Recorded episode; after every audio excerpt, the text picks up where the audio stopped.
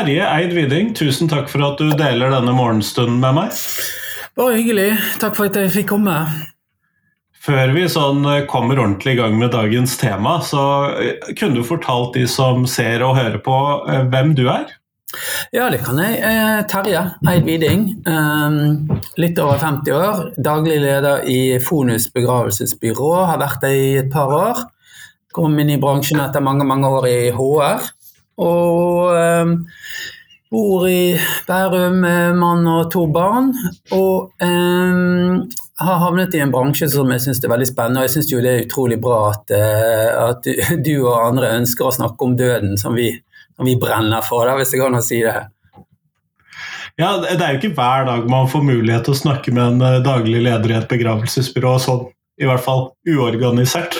Nei, det er kanskje like greit. Eh, det er kanskje ikke det man våkner om morgenen og tenker i dag skulle jeg snakket med en, en leder av en begravelsesbyrå, men, men, jeg tror kanskje det handler litt om at bransjen har vært litt mystisk og utilgjengelig. og Jeg tenker at det er, mye, det er viktig at vi kommer på banen og bidrar til uh, åpenhet om noe så viktig, tross alt. da.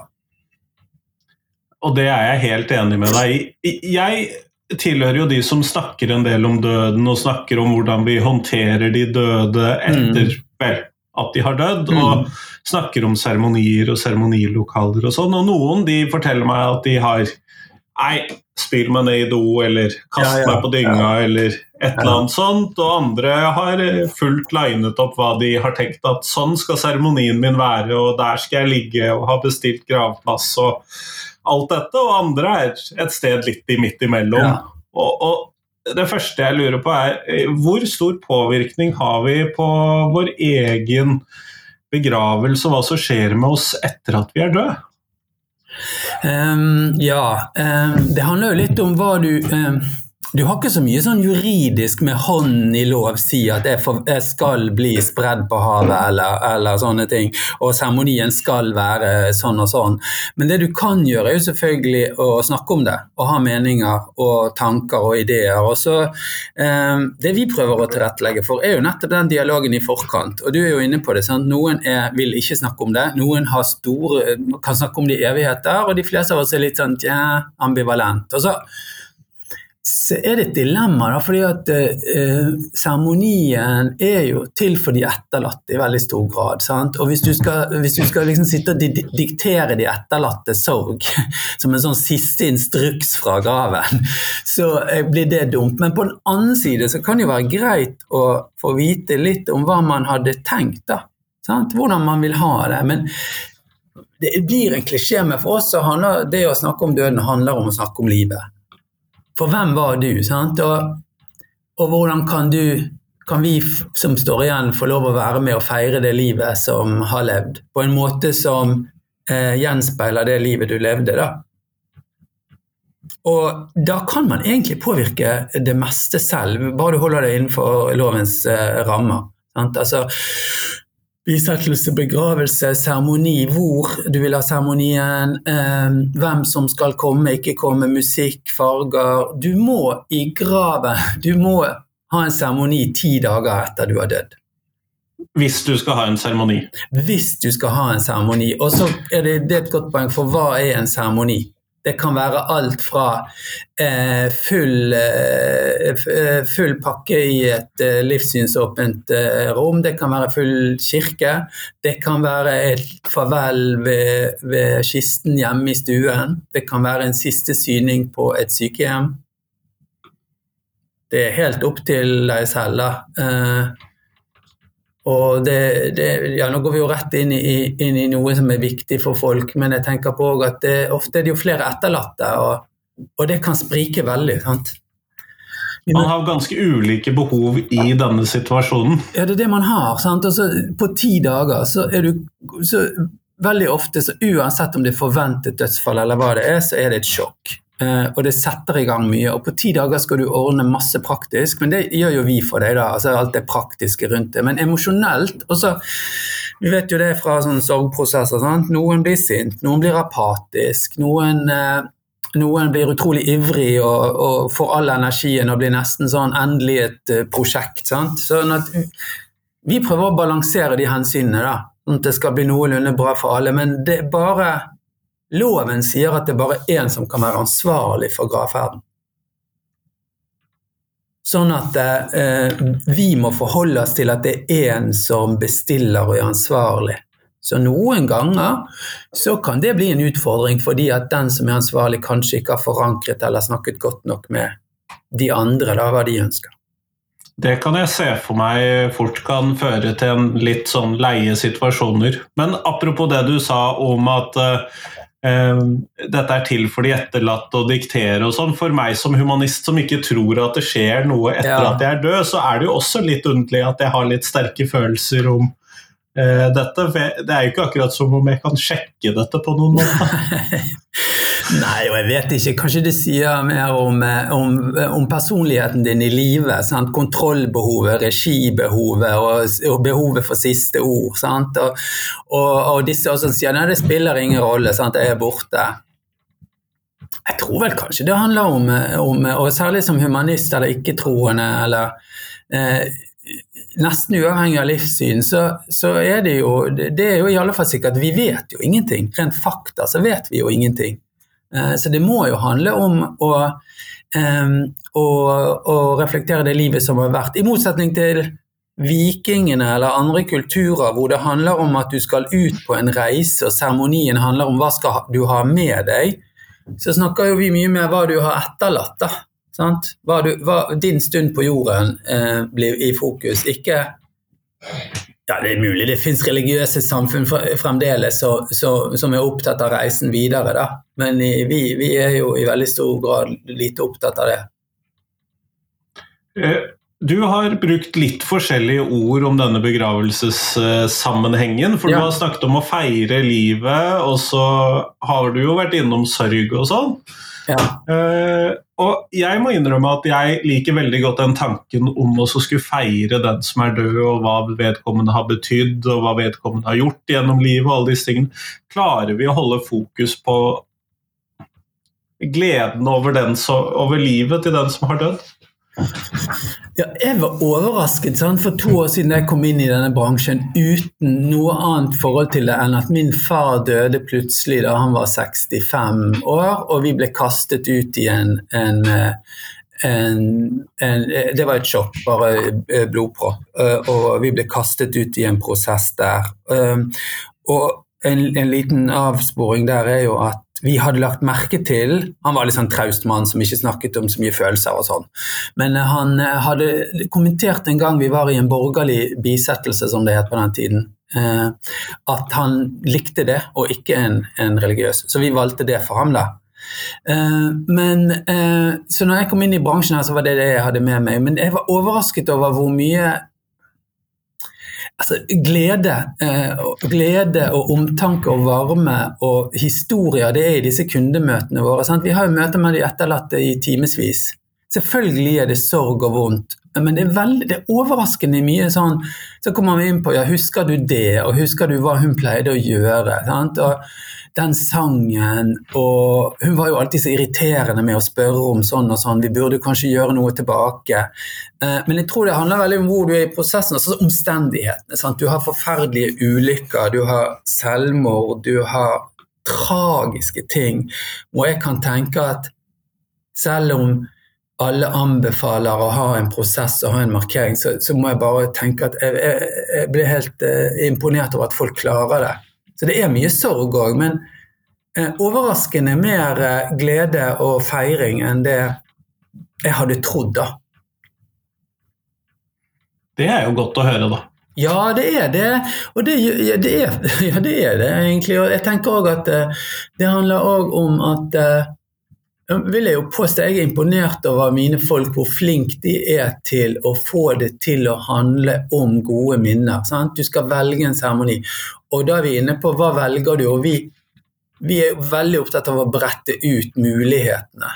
Fordi bransjen har nok vært og Der er det litt forskjell på by og land. Sant? Eh, I forhold til at ja, men da blir det eh, da blir det presten, og så blir det to salmer før, og så jordpåkastelse og to salmer, og så går vi ut. Og så spør du ja, hvilke salmer kan du da? Nei, hvilke salmer kan du? Så blir det da kjærlighet fra Gud og deilig av jorden. Var kanskje ikke det eh, du forbandt mest med bestemor, bestefar, mor, far, hvem som gikk bort. da. Nå skal ikke jeg kritisere de som velger det, for det er veldig trygt og fint. Men jeg tenker at vi skylder folk å i alle fall, Jeg kaller det bredde ut. At det finnes et, et, mangfold, og du kan sette ditt preg på enten du velger en humanistisk seremoni, en, en, kristen eller, eller, en annen trosretning eller livssyn.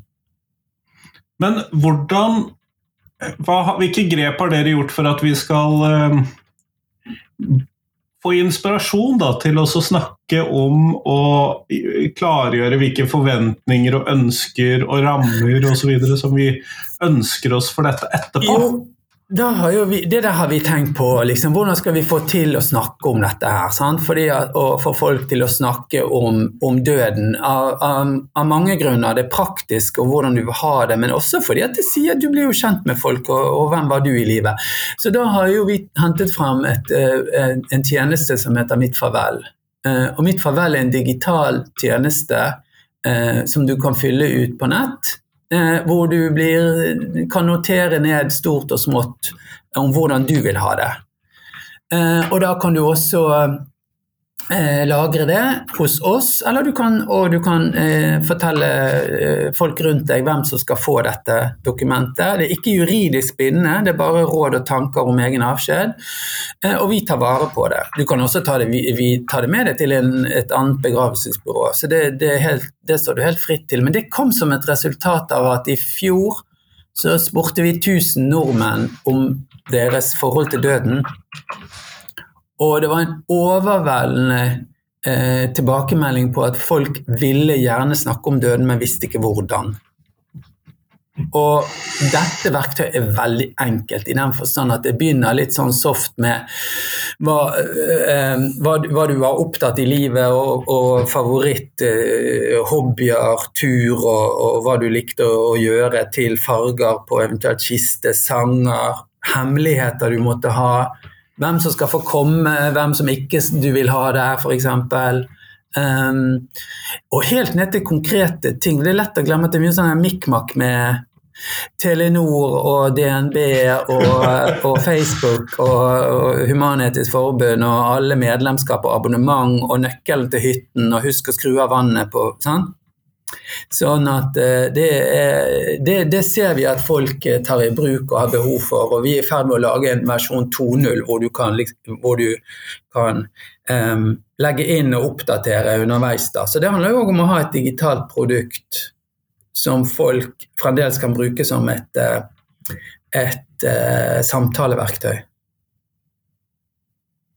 Det høres jo veldig spennende ut også for dere som begravelsesbyrå, både den utviklingsprosessen av et sånt produkt, men også hvordan møtene med de pårørende blir når man kommer så langt at noen tar dette i bruk i møte med dere?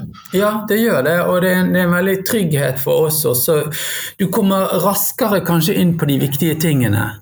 Og man vet at folk har et, et mitt farvel. Og, og Eh, og du kommer kanskje tydeligere, ja, raskere og tydeligere inn på det som var viktig, det, sånn at du kan, eh, du kan, veilede de etterlatte til å ha et, eh, en eh, seremoni som avspeiler den, den, du var i livet. Da. Men en ting jeg kom på da, er jo f.eks. dette med Forbi, noen vil at ting skal forbigås i stillhet og vil ha ro og vil ikke ha noe blest og sånn. Og da må du jo, som med alt annet her i livet, må du se det i kontekst. Da. Vi kan jo se at eldre personer vil ikke være til bry. Ja? Og da blir jo dilemmaet hvis eh, Jeg hadde selv en gammel tante på 95 som døde i, i, mai, og hun hadde laget, skrevet ned alt, sånn ordning og reder, vet du. Sant? Alt lå der i lister og ditten og datten. Og hun var veldig tydelig på at hun ville ha i stillhet og ingenting. Men det var jo kun fordi hun ikke ville være til bry for noen. Så vi valgte jo da å overstyre det hun hadde sagt, og hadde en seremoni, en humanistisk seremoni. Inne i Hardanger, det var jo ikke så enkelt, for der ble vi møtt av et byrå som sa Det første han sa, var at presten var ikke ledig denne uken. Så måtte jo jeg si at vi har ikke, trenger ikke noen prest. Men poenget mitt er at da var jo vi mente som etterlatt at vi ville feire og markere henne. Og at det dukket opp folk fra sykehjem og andre. Sånn at når hun sa 'forbigås i stillhet', så var det kun for å ikke være til bry. Sånn at det illustrerer litt den derre hva du skriver ned og sånn, men så må folk få lov å tenke Men det er vårt farvel, da. Mm. Um, og for bransjen og for våre folk, så har de Jeg tror også for bransjen, men for våre folk så er det, så er det et godt verktøy til å eh, lage en god seremoni. Fordi at du kan få, du kan få gode Våre folk vet jo hva du gjør, sånn, så de kan foreslå Ja, men kanskje vi skal ha det ute, da? Kanskje vi skal ha det på gårdsplassen? Man var, glad i å fiske. Vi kan faktisk ha det på, eh, på, et svaberg eller på en kai. Vi kan faktisk ha det hjemme i stuen hvis utsikten var viktig. Askespredning, sant? jo det kan vi få til. Um, det er jo mange um, sånne moderne ting du kan gjøre for å bli diamant og skutt opp i verdensrom og sånn. Um, og så har du de mer helt nye da, som handler om kompostering og sånne ting, hvor vi ikke er kommet så langt i Norge ennå. Nei, jeg uh, har jo en forkjærlighet for rekompostering ja. og syns at det burde vi komme i gang med. Ja, det tenker jo jeg også. Her, du har jo den vannkremasjonen som man snakker om, som, som, er kommet. der, Men rekompostering er jo en veldig fin idé. og Sånn som i USA, holdt jeg på å si, som alle andre steder, så, så er det jo en besnærende tanke at du kan det. og så den er fin, den tenker jeg jo, det her med at asken kan bli til et tre. Sant? Ja. ja. Og, og, det er mange måter å lage uh, gravplasser på som ikke ser ut som den derre uh, hva skal vi kalle det, grønn plen med steiner ja. på. ja, ja, ja, grønn plen med stein. Og så har jo det kommet uh, minne, sånne minnelunder. sant? Og så er det jo det dilemmaet med moderne familier, sant? med mine og dine og første og andre. Og, og, og det er òg interessant i forhold til hvis du f.eks. har hatt flere partnere, ektefeller gjennom livet. Da. Hvilken rolle skal de ha i en begravelse? Det er jo, det er jo kanskje deres sorg også, fordi om du ble skilt for 20 år siden hvis du har felles barn. Og, uh, og jeg tenker at så langt det lar seg gjøre, så får man prøve å være raus, da. Um, og, og da, jo, da, er det jo noen som velger å spre litt aske her og litt aske der. Og så har man kanskje flyttet fra Jeg bor jo ikke i Bergen lenger, så det er jo ingen grunn til for meg å bli gravlagt i Bergen, men jeg må jo innrømme at jeg det, det, er jo hjem for meg, selv etter 25 år på Østlandet. Så kanskje jeg skal ta litt aske og spre over Ulrikke. Men eh, dette er jo samtidig ikke en ny eh, problemstilling. Jeg var i fjor sommer så var jeg på Avaldsnes, på gravplassen der rundt kirken. Ja. Eh, og da så jeg en sånn eh, gravsten med to mannsnavn. Ja. Og så trodde jeg kult, kanskje var dette et homofilt par, ja. de hadde kanskje levd som venner eller et eller annet. Ja. Og så står jeg og googler litt, da, og så googler navnene. Og så viser det seg at dette er to fettere som giftet seg med samme dame. Oh, ja. Og etter at begge de to var døde og gravlagt på samme sted, så eh, finner hun seg mann nummer tre i Tønsberg og flytter. Oh, ja. ja, det, det, ja, det gjelder jo egentlig å bare bestille en sten med veldig mye plass, da. Sånn at man liksom safer uh, for uh, hele familieutviklingen. Men, men jeg syns jo jeg har, jeg alltid syntes, og det har jeg skjønt at mange andre også syns, at det er noe sånn her uh, fredelig og eksistensielt ved å vandre rundt på kirkegårder. For det er så mange levde liv, og det får deg til å tenke over alt med det her hvor kort tid vi faktisk har, og ikke minst hva vi bruker den på. da. Um, og hvordan vi oppfører oss overfor andre mennesker, og hva vi vektlegger og prioriterer. Så det er, døden er et veldig fint speil mot det eh, livet du, du, lever i dag. Da. Og da tenker jo jeg som Nå vil jeg vel karakterisere meg som ateist, egentlig. At, eh, at da blir det viktig å leve dette livet. da. Sant? Og hva du kan faktisk gjøre med å rett og slett være god og snill med andre, og ikke være så opptatt av um, eventuelt det som kommer etterpå, eller straff og belønning. Jeg tror ikke jeg kunne vært mer enig med deg i det. Ja. Men eh, tusen takk for at du har tatt deg tid jo. til meg nå på morgenkvisten. Og så